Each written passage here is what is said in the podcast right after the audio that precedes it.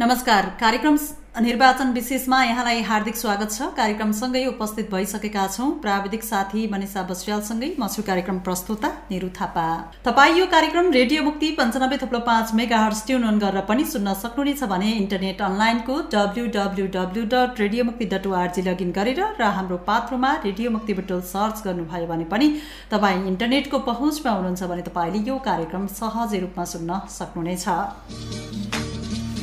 कार्यक्रम निर्वाचन विशेषमा रहेर हामीले विशेष गरेर अहिले स्थानीय निकायको निर्वाचन नजिकै छ र विभिन्न दलका विभिन्न उम्मेदवारहरूले यति बेला घर दैलो अभियानलाई तीव्रता पनि पार्नु भएको छ र अहिले स्थानीय निकायको निर्वाचन नजिकिँदैसँगै जनताको घर घरमा जाँदा विभिन्न किसिमका गुनासाहरू पनि सुन्न पाउन सकिन्छ र यसले गर्दा पनि धेरै उम्मेदवारहरू घरदलीयमै व्यस्त हुनुभएको छ। र यसै अवस्थामा हामीले विशेष गरेर स्थानीय निकायको चुनाव नजिकिएसँगै विभिन्न राजनीतिक दलका विभिन्न उम्मेदवारहरूका विभिन्न किसिमका प्रतिबद्धताहरू छन्। र ती प्रतिबद्धताहरू सँगसँगै उहाँहरूले कतिपय उम्मेदवारहरू पार्टीले फेरि दोहोऱ्याएको पनि छ विभिन्न पदहरूमा रहेर पनि दोहोऱ्याइरहेको अवस्थामा यस्तै बुचुलुप महानगरपालिकाको वडा नम्बर एघारमा नेकपा एमालेको तर्फबाट वडा अध्यक्षको रूपमा उम्मेदवारी पाउनुभएका रामचन्द्र रामचन्द्र छेत्रीसँग रहेर पनि आज हामीले विशेष कुराकानी गर्नेछौँ। पाँच वर्षसम्म उहाँले बुटिलुप महानगरपालिका वडा नम्बर एघारमा रहेर काम गरिसक्नु भएको छ। दुई हजार चौहत्तर सालमा उहाँले उहाँ निर्वाचित भएर यो पाँच वर्षको अवधिमा गरेका कामहरू सँगसँगै दुई हजार चौहत्तर सालमा गरेका विभिन्न प्रतिबद्धताहरू कतिका पुरा भए र आगामी प्रतिबद्धताहरू के के छन् नयाँ प्रतिबद्धताहरू कस्ता कस्ता किसिमका रहेका छन् र अहिले जनताले उहाँलाई कसरी अब पत्ताउने आधारहरू अहिले पनि के के छन् जस्ता विषयवस्तुमा केन्द्रित रहेर हामीले कुराकानी गरेका छौँ। बुटेरूप महानगरपालिका वडा नम्बर एघारमा नेकपा एमालेको तर्फबाट वडा अध्यक्षको उम्मेदवारी पाउनुभएका रामचन्द्र छेत्रीसँग हामीले कुराकानी गर्न यति बेला स्टुडियोमा निम्ताइसकेका छौँ। अब भनी लाग्छौँ हामी कुराकानीतर्फ। यहाँलाई कार्यक्रम निर्वाचन विशेषमा हार्दिक स्वागत छ। कार्यक्रम निर्वाचन विशेषमा यहाँलाई हार्दिक स्वागत छ। धन्यवाद आराम हुनुहुन्छ? एकदम ठिकठाक हजुर। अब स्थानीय निकायको चुनाव नजिकिसकेको छ र यो अवसरमा अब धेरै पार्टीका विभिन्न उम्मेदवारहरूले यति बेला घर दैलो अभियानमा हिँड्नुभएको अवस्था छ। यो अभियानलाई अब तपाईँले कसरी अगाडि बढाउँदै हुनुहुन्छ? घर दैलो कार्यक्रम सँगसँगै होइन? कसरी अगाडि बढाउँदै हुनुहुन्छ? यहीँबाट सुरु गर्नु हामीले धेरै धेरै धन्यवाद छ। हामीले अहिले एउटा ठुलो वार्डको भेलाको आयोजना गऱ्यौँ। सम्पूर्ण कार्यकर्ताहरूलाई जमघट गरेर वार्ड भेलाको आयोजना गऱ्यौँ। वार्ड भेलाको आयोजनामा यो प्रचार प्रसार समिति निर्वाचन परिचालन कमिटीदेखि लिएर चाहिँ थुप्रै टोल टोलमा चाहिँ निर्वाचन परिचालन कमिटीहरू गठन गरेका छौँ। ती निर्वाचन कमिटीहरू स्वत रूपमा आफ्नो टोल टोलमा निर्वाचनसित सम्बन्धित प्रचार प्रसार लिएर चाहिँ घर दैलोमा जानुभएको छ र हाम्रो सिंह वडाको टिम पनि अहिले चाहिँ हिजोबाट हिजोबाट हामी चाहिँ प्रचार प्रसारमा लागेका छौँ त्यो प्रचार प्रसारमा हाम्रो सामग्रीहरू लिएर घर दैलो अभियान चाहिँ गरिरहेका छौँ र अहिले जनताहरू उत्साहपूर्वक गत चौहत्तर सालको निर्वाचन भन्दा पनि अझ उत्साहपूर्वक जनताको सहभागिता रहेको छ। जसले गर्दाखेरि चाहिँ अहिले सबै अरू ओडावासीहरूमा पनि त्यो जोस जाँगर भएको मैले महसुस गरेको छु। हजुर। अब यहाँले दुई हजार चौहत्तर सालको स्थानीय निकायको निर्वाचनमा पनि अब विजय हुनुभयो होइन? र पाँच वर्षको अवधिसम्म यहाँले एउटा जनप्रतिनिधि भएर वडा अध्यक्ष भएर काम गर्ने एउटा सु अवसर पनि यहाँले सम्पन्न गरिसकेको अवस्था छ र पुनः फेरि तपाईँ दोहोरिनिएको दोहोरिनु भएको छ जस्तो कि उम्मेदवारीको रूपमा। अब चुनावपछि थाहा हुने कुरा भयो त्यो त होइन? अब यो पाँच वर्षसम्म काम गर्दाको अनुभव यहाँलाई कस्तो छ? कस्ता किसिमका कामहरू गर्नुभयो? जस्तो कि दुई हजार चौहत्तर सालमा तपाईँले विभिन्न प्रतिबद्धताहरू व्यक्त गर्नुभएको थियो होला होइन? अहिले यो पाँच वर्षमा जनताले पनि तपाईँको काम कस्तो गर्नुभयो भनेर निहालिसक्नु भएको छ। के छ यसबारे अलिकति जानकारी हामीले सब निर्वाचित भएर चाहिँ यो असार बाइस गते हामी बहाली भइयो। बहाली भएको सँगै पहिलो बैठकले नै हामीले यो पारदर्शितालाई र स- सेवा सुविधाहरू अथवा चाहिँ सेवाग्राहीहरूलाई हुने सुविधाहरूलाई छिटो छरितो बनाउने र कुनै पनि आर्थिक चलखेल हुन नदिनको लागि चाहिँ त्यो निर्णय गरेर अगाडि बढेका थियौँ।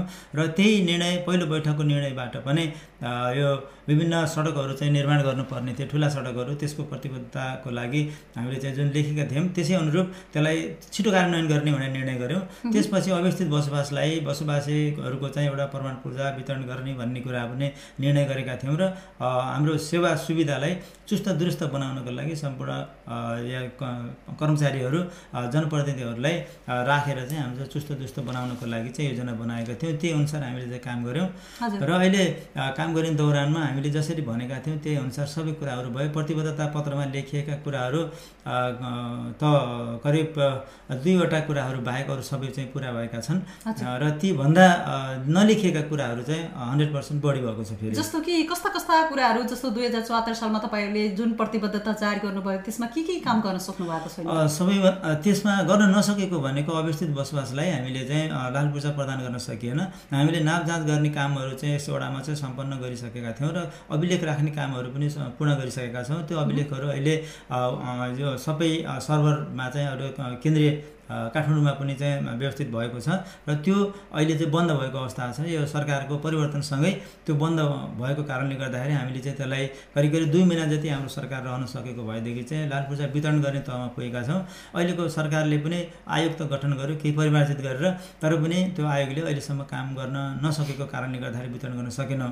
तर हामी यो आयोग हाम्रो आयोग गठन हुने बित्तिकै र हामीले चाहिँ दुई महिनाभित्रमा चाहिँ हाम्रो ओडाका बासिन्दाहरूलाई लाल पूर्जा वितरण गर्न सुरु गर्छौँ। र अहिले हामीसित ती सबै तथ्याङ्कहरू चाहिँ नगरपालिकामा नै व्यवस्थित राखिएको छ। एक क्लिकको भरमा सबैको नामावली चाहिँ आउन सक्ने छ त्यस्तो व्यवस्था गरिएको छ। र अरू एउटा गर्न नसकेको रङ्गशाला मार्ग हामीले चाहिँ पिच गर्छौँ भनेका थियौँ। त्यो रङ्गशाला मार्ग पिच गर्ने क्रममा त्यहाँका जनताहरूको चाहिँ राइट अफ वे बाटोको राइट अफ वे क्लियर नगरिदिँदाखेरि र केहीको घर पनि पर्ने घर पेटी अ, पर्ने भएको हुनाले उहाँले अवरोध गरेको कारणले र यो यसमा अदालतमा मुद्दा पनि परेको हुनाले स्टे अर्डर आएको कारणले गर्दाखेरि त्यो बन्न सकेको थिएन। र अहिले त्यो पुरा बन्नको लागि करिब पच्चिस दस करोडको योजना स्वीकृत भएर चाहिँ अहिले त्यो टेन्डर भइसकेको छ र तलबाट मगरघाटदेखिबाट चाहिँ काम सुरु भइरहेको छ। अब त्यसलाई पनि सम्पन्न हुनेछ। तर अहिले सम्पन्न गर्न नसकेको चाहिँ भनेको चाहिँ यही नै हो। हजुर। अब त्यतिखेर प्रतिबद्धता जनाउनु भएको थियो तर त्यो विभिन्न कारणले गर्दा हुन सकेन। तर सरकार ढल्नुभन्दा अगाडि पनि त केही वर्ष त थियो नि त। त्यो त्यो समयमा किन गर्न सकिएन? सरकार ढल्नुभन्दा पहिला पनि धेरै समय थियो। त्यसमा हामीले हाम्रो नगरले गर्नुपर्ने कामहरू सम्पन्न गरिसकेका थियौँ गरिसकेका छौँ। र गर्नुपर्ने माथिबाट चाहिँ जुन आयोगले गर्नुपर्ने काम हो त्यो गर्न नसकेको कारणले गर्दाखेरि चाहिँ त्यो बाँकी रहन गएको हो। यदि होइन त्यो त्यसमा पनि फेरि करिब करिब दुई वर्ष त हाम्रो यो नीति निर्माण गर्दाखेरि नै यो पहिलो पहिलो निर्वाचन। पहिलो निर्वाचन भएको हुनाले गणतन्त्र पछिको पहिलो निर्वाचन शून्य अवस्थादेखि लिएर आफ्नो कानुनहरू बनाउने नीति निर्माण गर्ने र एन बनाउने चाहिँ यो फेज थियो। त्यो बनाउँदा बनाउँदै करिब करिब एक डेढ वर्ष त्यहाँ गइसक्यो। र चाहिँ त्यस बनाइसकेपछि पनि हाम्रो यो आयोग जहिले पनि चाहिँ अलिक फितलो किसिमको आयोग थियो कानुन नभएको आयोग थियो। अहिले बलियो आयोग बनाउने भनेर चाहिँ त्यसलाई पनि कानुनमै राखेर त्यसलाई उल्लेख गरेर चाहिँ बलियो बनाउँदा बनाउँदै थियो अर्को एक वर्ष लाग्यो। त्यसपछि हामीले यो आयोग गठन भइसकेपछि काम तदा तदारुकका साथमा अ, बुटुलुक महानगरपालिकाले सुरु गर्यो। अहिले चाहिँ बुटुलुक महानगरपालिकाले सबै अ, वडामा उन्नाइस सय वडामा चाहिँ करिब सोह्र हजार पाँच सय घरधुरीको चाहिँ अभिलेख तयार गरेको छ। हाम्रो वडामा भने नापेर पनि चाहिँ करिब करिब सकिएको छ। र अहिले चाहिँ नक्सा तयार छ। लाल पूर्जा दिन मात्रै बाँकी रहेको। त्यसमा चाहिँ अब नयाँ सरकार बन्ने बित्तिकै अथवा चाहिँ यो आयोगले काम सुरु गर्ने बित्तिकै यही सरकारको आयोगले पनि काम सुरु गर्यो भनेदेखि चाहिँ हामीले दिन सक्छौँ। हजुर। अब यो जुन अलिकति यो अवस्थित बसोबासलाई व्यवस्थित गराउँछु भन्ने धेरै राजनैतिक दलका विभिन्न पदमा उम्मेदवार उठ्नुभएका दुई हजार चौहत्तर सालमा पनि सबभन्दा मुख्य एजेन्डा यही चाहिँ थियो। थियो। तर त्यही चाहिँ अहिलेसम्म पुरा हुन सकेको छैन। तर जनताहरूले अब त फेरि भोट माग्न जाँदा होइन अब जुन किसिमको जुन एउटा मुख्य एजेन्डा थियो त्यसैलाई पुर्याउन सकेका छैनन्। तर अहिले कसरी तपाईँ घर दैलोमा जाँदा कस्ता किसिमका गुनासाहरू सुन्न सकिन्छ के छ अहिले? हजुर त्यो हामीलाई लाल पूर्जा किन दिएन भन्ने कुरो गुनासोहरू आइरहेको छ त्यही नै गुनासो हुन्छ। तर त्यो गुनासोमा पनि हामीले त्यो हामीले दिन तयार गरिसकेका छौँ। मात्र चाहिँ अहिले माथिल्लो सरकार चाहिँ करिब करिब तर त्यो कुराहरू सबै जनताहरूलाई तपाईँले यो पाँच वर्षको अवधिमा जस्तोकि अब दुई वर्ष तपाईँहरू नीति निर्माणमै अड्किनु भयो होइन। यो कतिको बुझाउनु भएको छ कतिपयले एउटा चुनाव जित्दिनउमा होइन। अब हामीले तपाईँहरूको यो बस्तीहरू तपाईँको यो अवस्थित बस्तीलाई हामीले व्यवस्थित गराउँछौँ भन्ने मुख्य एजेन्डा ल्याइरहँदा अब उहाँका सबै जनताहरू त अब अलिकति चेतना भएका भए पनि अझै सबै कुरा त बुझ्नुहुन्न होला। उहाँहरूलाई कसरी अब अहिले यो चुनावी अभियान हामीसित साठीवटा टोल छन्। टोल विकास संस्थाका अध्यक्षहरूलाई बोलाएर प्रत्येक महिनामा बैठक हुन्छ। ती बैठकमा नै उहाँहरूलाई राखेर चाहिँ यो जो कारणले हुन सकेको छैन यहाँहरूलाई यो फुक्ने बित्तिकै अहिले त लक गरेर बसेको छ त्यहाँ। लक भयो चाहिँ माथिबाट केन्द्रबाट चाहिँ लक फुकाल्ने बित्तिकै चाहिँ हामीले चाहिँ त्यो सुरु गर्न सक्छौँ भनेर चाहिँ बताइरहेका छौँ। र सबैले सोध्ने जतिलाई चाहिँ हामीले भनेका छौँ टोल विकास संस्था मार्फतबाट पनि उहाँले सन्देशहरू चाहिँ हामीले प्रवाह गरिरहेका छौँ। र यो सरकार परिवर्तन भएको त ठिकै छ परिवर्तन हुन्थ्यो अ, परिवर्तनसँगै चाहिँ आयोग पनि विघटन गरिदिँदाखेरि चाहिँ त्यो अप्ठ्यारो परेको। आयोगलाई कन्टिन्यू गरिदिएको भएदेखि चाहिँ दुई महिनाभित्रमा हाम्रो वडामा अरू सबैमा भन्न सकिँदैन। तर हाम्रो वडामा चाहिँ एघार नम्बर वार्डमा चाहिँ सबैलाई वितरण गर्न सकिन्थ्यो र क्रमशः करिब छ महिना करिब करिबमा चाहिँ हामी सबै वडामा वितरण गर्थ्यौँ। किनकि हाम्रो वडा नै सबभन्दा छ हजार पाँच सय जति चाहिँ हाम्रो वडामा मात्रै भएको हुनाले जटिल भनेको यही एघार नम्बर वार्ड हो। अरू वडामा त थोरै थोरै अवस्थित बसोबास रहेको हुनाले चाहिँ ती अवस्थित बसोबासहरूलाई करिब छ महिनाभित्रमा चाहिँ हामीले सबै कम्प्लिट गर्न सक्थ्यौँ। हजुर। अब दुई हजार चौहत्तर सालमा अब वडा नम्बर एघारमा वडा अध्यक्ष जित्नुभयो र अहिले पाँच वर्षसम्म नेतृत्व यहाँले गरिसक्नु भएको छ। अब जनताहरू तपाईँको यो वडामा तपाईँको वडामा होइन जनताहरू कतिको खुसी हुनुहुन्छ कतिको खुसी पार्नुभयो अब यो वडामा अब अलिकति अलिकति ठुलो वडा पनि छ होइन। मलाई लाग्छ जनताहरूलाई खुसी पार्ने हामीले प्रयास गरिरहेका छौँ किनकि हामीले सबै शिक्षा स्वास्थ्य रोजगारदेखि लिएर चाहिँ हाम्रो भौतिक पूर्वाधार निर्माणहरूकोलाई सँगसँगै हामीले चाहिँ लिएर गइरहेका छौँ। विद्यालयहरूमा पनि धेरै जसो विद्यालयहरू चाहिँ एउटा भौतिक निर्माणले सुविधा सम्पन्न हुन गइरहेको छ। केही विद्यालय बाँकी चाहिँ हाम्रो विद्यालयहरूमा करिब करिब सातवटा विद्यालय छ सामुदायिक विद्यालय र प्राइभेट गरी जम्मा जम्मै उन्नाइसवटा विद्यालयहरू छन्। ती विद्यालयहरूको चाहिँ भौतिक निर्माण र चाहिँ गुणस्तरीय विकासका लागि चाहिँ हामीले प्रयास गरिरहेका छौँ।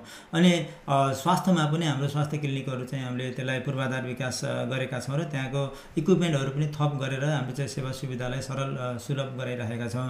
अनि त्यसपछि हाम्रा रोजगारको पाटोहरूमा पनि विभिन्न किसिमका तालिमहरू स्वरोजगारमूलक तालिमहरू चाहिँ सञ्चालन गरेर उहाँहरूले स्वरोजगार बनाउने प्रयास गरिरहेका छौँ। स्वरोजगारको लागि तालिम लिएर कसैले स्वरोजगार बन्नुभएको छ भने कसैले चाहिँ त्यो स्वरोजगार बन्न सकिराख्नु भएको छैन तर जो जो बन्नुभयो उहाँहरूले चाहिँ हाम्रो उद्देश्यहरू चाहिँ पुरा गरिदिनु भएको छ।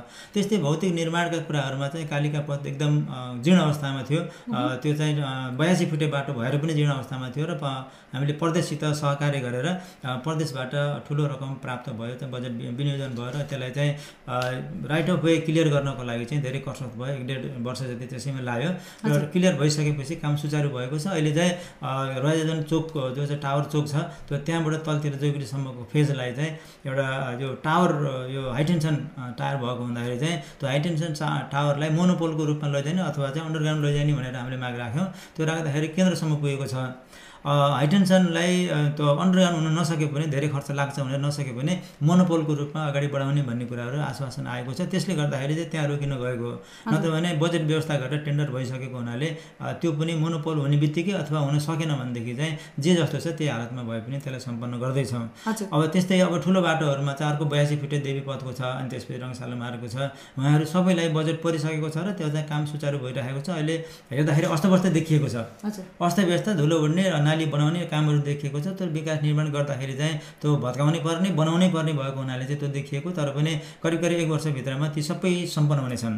र अहिले चाहिँ ठुलो बाटोहरूमा चाहिँ कोरिडोरको कुराहरू पनि आएको छ। कोरिडोरको पनि बजेट भइसकेको हुनाले ती कोरिडोर दिनदिनै वर्षेनी चाहिँ हाम्रो चाहिँ बाढीले बगाउने जुन अवस्था थियो र त्यहाँको अवस्थित बसोबास पनि रहेको र जग्गा लालपुर जग्गालाई जग्गा रहेको ठाउँमा त्यसलाई व्यवस्थित गर्नको लागि र जो बगाउने कामबाट क्षति हुनुबाट बच्नको लागि चाहिँ त्यहाँ कोरिडोरको अवधारणा आएको छ र बजेट पनि परिसकेको हुँदाखेरि टेन्डर पनि भइसकेको हुँदा त्यो काम पनि सुचारू भएको छ। करिब त्यो तिन वर्षको योजना छ। तिन वर्ष बहुवर्षीय योजना भएको हुनाले तिन वर्षभित्रमा त्यो सम्पन्न गर्ने गरी चाहिँ गएको छ भने एक वर्ष भइसक्यो। अब दुई वर्षभित्रमा त्यो सम्पन्न गर्ने गरी त्यो टेन्डर लिनेहरू चाहिँ काम भइरहेको छ। हजुर। अब वडा नम्बर एघारमा वडा अध्यक्षको उम्मेदवारी पाउनु भएको छ। हजुर। अब यहाँले फेरि पनि वडा अध्यक्षमा जित्नुभयो भने होइन? हजुर। मलाई त हाम्रो तर्फबाट पनि अग्रिम शुभकामना छ यहाँलाई जितको लागि। हजुर। अब यहाँले अब निर्वाचित हुनुभयो भने अब यिनी बाँकी रहेका कामहरूलाई अब फेरि पुरा गर्नुहुनेछ होइन यो अहिले चाहिँ करिब करिब भौतिक निर्माणका कुराहरू चाहिँ धेरै जसो सम्पन्न भइसकेको छ पूर्वाधार निर्माणहरू चाहिँ सम्पन्न जस्तो कि भइसकेको बाँकी छ। रहेका यिनी यो बाँकी रहेका- अवस्थित बसोबासीका अवस्थित बसोबासीको लागि चाहिँ हामीले चाहिँ आयोगले काम गर्यो भनेदेखि चाहिँ दुई महिनाभित्रमा हामीले सम्पन्न गर्छौँ। त नगरपालिकाले त्यो दिन लालपुर्जा दिन मिल्दैन। यदि आयोगले काम गरेन भने पनि नगरपालिकाबाट चाहिँ त्यो एउटा पूर्जा हामीले चाहिँ निशा उपलब्ध गराउँछौँ। त्यो चाहिँ नगरपालिकाको करको दायराभित्र राखेर करिब करिब यो भएन भनेदेखि चाहिँ असारभित्रमा हामीले चाहिँ त्यो सबै हाम्रो तयारी छ। निशा बनाएर हामीले तयार पारिराखेका छौँ र असार महिनाभित्रमा नै हामीले चाहिँ त्यसलाई चाहिँ वितरण गर्छौँ र उहाँहरूलाई जग्गाको स्वामित्व थोरै भए पनि स्वामित्व भएको चाहिँ महसुस हामीले गराउँछौँ। त्यो हामी करको दायरामा लिएर आएर चाहिँ उहाँहरूलाई कमसेकम मैले पनि राजस्व तिरेको छु। म पनि चाहिँ नगरपालिकाको अङ्गमा छु भन्ने चाहिँ त्यो चाहिँ हामीले महसुस गराउँछौँ। हजुर। अब त्यो दुई हजार चौहत्तर सालका प्रतिबद्धताहरू लगभग लगभग सबै पुरा भए र केही मात्र बाँकी छन् र अब आगामी अब यो निर्वाचनपछि होइन निर्वाचित भइयो भने पनि पुरा गर्ने यहाँले प्रतिबद्धता पनि जाहेर गर्नुभयो। अब दुई हजार उनासी सालको यही अब वैशाख तिस गते अब स्थानीय निकायको चुनाव हुँदैछ त्यसमा पुनः वडा अध्यक्षमै वडा नम्बर एघारबाट दोहोरिनु भएको छ। अबका नयाँ प्रतिबद्धताहरू नयाँ नयाँ बिजन आएको छ होला। के छन् प्रतिबद्धता? अब हामीले चाहिँ अब सबभन्दा पहिला घाँसबास कपासको कुरा आउँछ। त्यसपछि शिक्षा स्वास्थ्य रोजगारका कुराहरू आउँछन्। त्यसपछि मनोरञ्जनका कुराहरू आउँछन्। हामीले अब यी पूर्वाधार विकास भइसकेपछि र चाहिँ हाम्रो त्यसपछि हामीले मानवीय विकासको लागि चाहिँ धेरै फोकस गर्नेछौँ र सामाजिक विकासमा चाहिँ हामीले चाहिँ धेरै फोकस गर्नेछौँ अनि त्यहाँ भएका हरियाली बनाउनको लागि बाटोहरूमा हरियाली बनाउनको लागि र विद्युतीकरणलाई चाहिँ धेरै व्यवस्थित गर्नको लागि त्यसलाई हामीले प्रतिबद्धता पत्रमा अहिले चाहिँ लेखेका छौँ र आम नेपाली वडावासीहरूले महसुस हुने गरी त्यो सबै जनता जनतामा पुग्ने किसिमको चाहिँ यस्तो कार्यक्रम हामीले लिएर आएका छौँ। हजुर। अब अहिले पनि अब केही नयाँ प्रतिबद्धताहरू यहाँले जारी गर्नुभएको छ। अब तपाईँले जित्ने आधारहरू के के छन् अरू? मैले अहिलेसम्म जनताहरूलाई यो पाँच वर्षको अवधिमा काम गरेको सँगसँगै अब अन्य केही छन् जित्ने आधारहरू? मैले भ्रष्टाचार मुक्त बनाउनु वडालाई त्यो चाहिँ सफल भएको छ। अहिलेसम्म कुनै पनि आर्थिक चलखेल एक पैसाको पनि चलखेल हुन दिएको छैन। यो एउटा चाहिँ मुख्य आधार हो। सबभन्दा चाहिँ नराम्रो हुने चाहिँ यो पार्टी पनि व्यक्ति पनि समाज पनि अलिकति अप्ठ्यारोमा पर्ने भनेको आर्थिक कुराले हो। त्यसलाई पारदर्शी गराइएको छ र अहिले चाहिँ बजेटिङको व्यवस्थामा पनि चाहिँ हामीले सबैले छुने गरी सबै कुनै टोल पनि बाँकी रहन नरहने गरी त्यस्तो किसिमले चाहिँ बजेट व्यवस्था गरेका छौँ र चाहिँ बजेटहरू पूर्ण कार्यान्वयन हुनको लागि चाहिँ अहिले यो वर्ष चाहिँ धेरै नै हामीले प्रयास गऱ्यौँ र करिब करिब शत प्रतिशत कार्यान्वयन गराउनको लागि चाहिँ हामी सफल भएका छौँ। एक दुईवटा योजनाहरू चाहिँ बाँकी रहेका छन्। ती योजनाहरू पनि अब सम्झौता हुँदैछन्। त्यसले गर्दाखेरि सबै शत प्रतिशत नै हामीले कार्यान्वयन गर्दैछौँ। र अहिले हामीले जनतासितको प्रत्यक्ष भेटघाटका कुराहरूमा उहाँहरूले लिएर आएका समस्याहरूलाई हाँसी हाँसी समाधान गर्ने एउटा फ्रेन्डली रिलेसन हामीले चाहिँ कायम गरेछौँ जनतासित।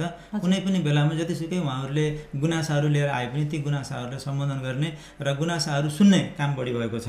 नसुनिकन चाहिँ उहाँहरूसित प्रतिवाद गर्न थाल्दाखेरि चाहिँ ती गुनासाहरू कुण्ठित बन्छन् र चाहिँ जनतासितको दूरी टाढा हुने भएको हुनाले हामीले चाहिँ पहिला सबभन्दा पहिला उहाँले जे जे भन्नुहुन्छ सबै कुरा सुनेर सुनिसकेपछि बल्ल बुझिने रहेछ।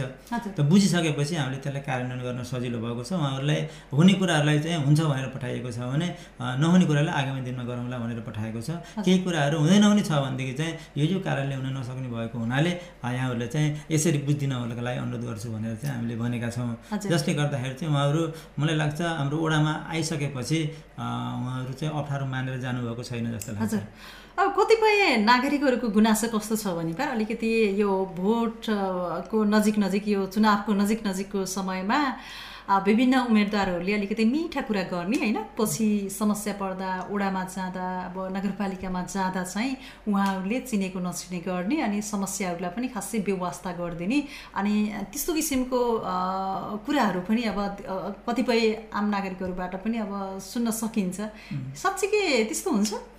मैले मान्छेको अनुहार हेर्दिनँ। सेवाग्राही जति आउनुहुन्छ अनुहार हेर्दैन किनभने हाम्रोसित डेढ सय दुई सय तिन सयजना जति चाहिँ दैनिक आउनुहुन्छ उहाँहरूको अनुहार हेरेर बसेर गफ गर्न भ्याइँदैन। अनुहार नहेरिकन डकुमेन्टको आधारमा गर्ने भएको हुनाले कुनै पनि सेवाग्राहीहरू डकुमेन्ट नपुगेको हकमा भोलि आउनुहुन्छ होला डकुमेन्ट पुरा लिएर आउनुहोस् भन्ने छ होला। नत्र भने ती सेवाग्राहीहरूलाई त्यही दिन कोही कोही दस मिनटभित्रमा नत्र भने त्यो दिनभरिमा चाहिँ हामीले चाहिँ सेवा प्रदान गरेका छौँ। जसले गर्दाखेरि जनताहरूले यो दुःख दियो ऊ दुःख दियो भन्ने चाहिँ किसिमको रहन पाएको छैन। र कतिपयले चाहिँ डकुमेन्ट नभए पनि गरिदिनुपर्छ हामीले भोट हालेको भनेर चाहिँ भन्नु होला त्यसमा चाहिँ डकुमेन्ट नपुगिकन अनियमित तरिकाले चाहिँ काम गर्न हामीले सक्दैनौँ। केही कुराहरू चाहिँ हुनसक्छ। केही कुराहरू नागरिकता ल्याउन बिर्सेछु भनेपछि चाहिँ लाल पूर्जा भएपछि नागरिकता पक्कै पनि छ भनेर चाहिँ भोलि ल्याइदिनु होला भनेर हामीले काम पनि गरिरहेका छौँ। तर पनि केही डकुमेन्ट चाहिन्छ भनेर चाहिँ नेपाल सरकारले तोकिएका र नगरपालिकाले तोकेको डकुमेन्टहरू चाहिँ आवश्यकता पर्ने हुन्छ। उहाँहरूलाई यो यो ल्याउनु होला भनेर हामीले यो बाहिर नै यो शोधपत्र हामीले जारी गरेका छौँ। त्यो हेरेर उहाँहरूले लिएर आउन सक्नुहुन्छ र जसले डकुमेन्ट लिएर आउनुभएको छ भने उहाँको चाहिँ त्यो दिनभन्दा बाहिर गएको छैन। केही कुराहरू सर्जीवन गर्नुपर्ने हुन्छ। सर्जीवन गर्न जाँदाखेरि हाम्रो कर्मचारी पनि सम्बन्धित क्षेत्रमा नै सम्बन्धित स्थलगत निरीक्षण गर्नुपर्ने भएको हुनाले त्योलाई सर्जीवन गर्दाखेरि चाहिँ एक दिन लाग्न सक्छ। त्यो बाहेकका हाम्रा चाहिँ सेवाग्राहीहरूलाई हामीले सन्तुष्ट बनाएका छौँ। हजुर। अब रामचन्द्र छेत्री वडा नम्बर एघारको वडा अध्यक्ष हुनुहुन्छ। वडा अध्यक्ष हुनुहुन्थ्यो होइन? अब फेरि हजुर। अब फेरि उम्मेदवारीको रूपमा दोहोरिनु भएको छ। अब निर्वाचन निर्वा निर्वाचित हुनुहुन्छ हुनुहुन्न अब निर्वाचनकै दिन निर्वाचनपछि थाहा हुने कुरो भयो। अब अलिकति धेरै नागरिकहरूले त तपाईँलाई चिन्नु भएको छ। आम नागरिकहरूले अझै कतिपय व्यक्तिहरूले तपाईँको अलिकति पृष्ठभूमिको बारेमा जान्न चाहनुहुन्छ। अलिकति जानकारी दिनुहोस् न। म करिब करिब अठार वर्षको थिएँ। एसएलसी करिब करिब पास गरेर क्याम्पसमा पढ्न गएको थिएँ। त्यतिखेरदेखिबाट म सामाजिक फिल्डमा लागेको। मेरो साथीहरू भनेको चाहिँ साठीदेखि सत्तरी वर्षका हुनुहुन्थ्यो। मेरो समितिमा बस्ने। म जहिले पनि जुन समितिमा पनि सचिव हुन्थेँ किनभने त्यतिखेर पढ लेखेको मान्छे नहुने मैले एसएलसी गरेको हुँदाखेरि चाहिँ धेरै पढेको हुन्थ्यो। अनि त्यसरी सचिव बस्नुपर्ने थियो। अनि त्यसरी सबै समितिहरूमा सचिव बसेर काम गर्दाखेरि त्यहाँ चाहिँ सबैसित मेरो आफ्नो लेभलको आफ्नो लेभल भन्नाले चाहिँ उमेरका साथीहरू कोही पनि थिएनन्। सबै चाहिँ बुढापाकाहरू मात्रै थियो उहाँहरूसित काम गर्दाखेरि मैले चाहिँ त्यो शिष्टताहरू चाहिँ त्यहाँबाट सिकेको। म चाहिँ सकभर रिसाउँदिनँ। रिसाउनु मन लाग्दैन रिसाउने रिस भन्ने कुरो थाहा थाहा पनि छैन। लडबिड गर्न कहिले पनि जानिएन त्यसले गर्दाखेरि चाहिँ त्यो शिष्ट भाषाले गर्दाखेरि नै त्यतिखेर सचिवको सचिव सचिव अध्यक्ष हुन पाएको थिएन। अहिले बल्ल अध्यक्ष हुन पाएको।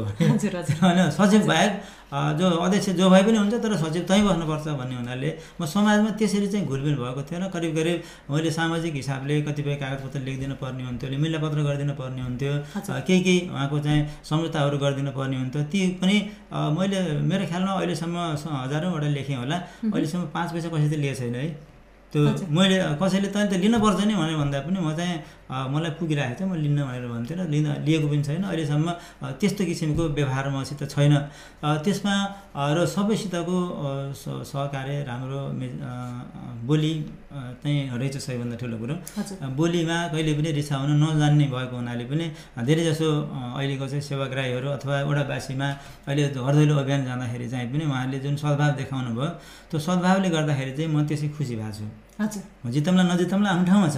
तर म चाहिँ त्यो सेवा दिनलाई मैले सकेको रहेछु भन्ने किसिमले चाहिँ म चाहिँ धेरै खुसी छु। म सन्तुष्ट छु। अनुभूति गरेको छु। म सन्तुष्टि छु। हारौँला तर केही छैन। तर म चाहिँ अब सबै जनताहरूको जुन चाहिँ अगाडि बोल्दाखेरि चाहिँ जुन मिठासले जुन सद्भाव कायम गर्नुभएको छ ओडामा आउँदाखेरि अथवा अहिले चाहिँ बाटोमा हिँड्दाखेरि पनि चाहिँ उहाँले जुन सदा सहायता देखाउनु भएको छ त्यो नै मेरो लागि चाहिँ सम्पत्ति हो। हजुर।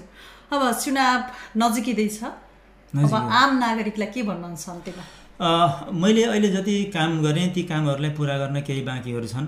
केही सडक निर्माण गर्नुपर्ने छ विद्युत खानेपानीका कुराहरू छ खानेपानी पनि हाम्रो चाहिँ करिब आठ नौवटा चाहिँ अब खानेपानी संस्थाहरू छन्। ती सा ठुला संस्था र सानो संस्था गरेर तेह्रवटा संस्था छन्। तिनीहरूलाई पनि व्यवस्थित गर्नुपर्ने छ। अनि हाम्रो टोल विकास संस्थाहरू चाहिँ अध्यावधि गर्नुपर्ने चाहिँ बाँकी छ केही टोलहरूमा। तिनीहरूलाई अध्यावधि गरिनेछ र चाहिँ अहिले शिक्षा स्वास्थ्यलाई चाहिँ अझ प्रशिक्षित गराउन बाँकी छ। हाम्रो वडामा भएका सम्पूर्ण स्वा शिक्षा संस्थाहरूलाई शैक्षिक संस्थाहरूलाई गुणस्तरीय पठन पाठनको लागि र एकरूपता गराउनको लागि चाहिँ त्यो पहल अब चाहिँ भइसकेको छ र अब चाहिँ यो अहिलेको कार्यकालमा त्यसलाई चाहिँ गुणस्तरीय विकास गर्ने सबै विद्यालयहरूलाई त्यो प्रयास गरिनेछ र त्यो काम सम्पन्न गर्न सक्छु जस्तो लाग्छ। मैले चाहिँ कालिका माविलाई पनि त्यही तरिकाले मैले जुन नीति अप्नाएको थिएँ त्यही किसिमको मैले चाहिँ गराउन खोज्दैछु र त्यसरी मैले आम वडावासीहरूले जुन सद्भाव देखाउनु भएको छ त्यो सद्भाव अनुसार र चाहिँ जुन आशा गर्नुभएको छ त्यो आशा अनुसार मैले काम गर्न सक्छु। चाहिँ कसैलाई पनि चाहिँ अप्ठ्यारो पार्दिनँ भन्ने कुरा मैले अहिलेसम्म यो पार्टी त्यो पार्टी भनेको छैन। कुनै पनि पार्टीसित चाहिँ सरकार पनि भएन कुनै व्यक्तिसित ठुलो सानो गरिब धनी पढेको नपढेको सबलाई समान व्यवहार गरेको कारणले पनि चाहिँ जनताहरू चाहिँ ले हाम्रो ओडावासीहरूले पक्कै पनि पक्षमा कुरा गर्नुहुन्छ र पक्षमा आफ्नो मत दिनुहुन्छ भन्ने कुरा मेरो आधार यही हो। हजुर। निकै व्यस्तताका बावजुद पनि हामीलाई समय उपलब्ध गराइदिनु भयो। विशेष गरेर निर्वाचन केन्द्रित कुराहरू पनि अब यहाँले सुनाउनु भयो। सँगसँगै अब पाँच वर्षको अवधिमा गरेका कामहरू सँगसँगै बाँकी रहेका कामहरू पनि पुरा गर्ने यहाँले प्रतिबद्धता पनि जाहेर गरिसक्नु भएको छ नयाँ प्रतिबद्धता पनि जाहेर गर्नुभएको छ। यहाँलाई विशेष धन्यवाद दिन चाहन्छु। धेरै धेरै धन्यवाद यहाँलाई हस् धन्यवाद। आदरणीय श्रोता हामीले यतिन्जेलसम्म कार्यक्रम निर्वाचन विशेषमा रहेर कुराकानी गऱ्यौँ भुटिल उपमहानगरपालिका वडा नम्बर एघारमा नेकपा एमालेको तर्फबाट वडा अध्यक्ष पदमा उम्मेदवारी दोहोरिनुभएका रामचन्द्र छेत्रीसँग रहेर हामीले कुराकानी गरिसकेका छौँ। भने हामी कार्यक्रमबाट बिदा माग्नुपर्ने हुन्छ। तपाईँलाई कार्यक्रम कस्तो लाग्यो? सल्लाह सुझाव पनि प्रत क्रियाहरू दिन नभुल्नुहोला। त्यसका लागि कार्यक्रमको ठेगाना हो। कार्यक्रम निर्वाचन विशेष रेडियो मुक्ति पञ्चानब्बे थुप्लो पाँच मेगा हर्च बटोल चार लक्ष्मीनगर यही ठेगाना सँगसँगै यतिन्जेलसम्म कार्यक्रम सुन्नुभयो। तपाईँ सम्पूर्णलाई धन्यवाद। टेक्निकल्ली सपोर्टका लागि मनिषालाई पनि धन्यवाद दिँदै आजको कार्यक्रम निर्वाचन विशेषबाट म पनि बिदा हुन्छु। नमस्ते।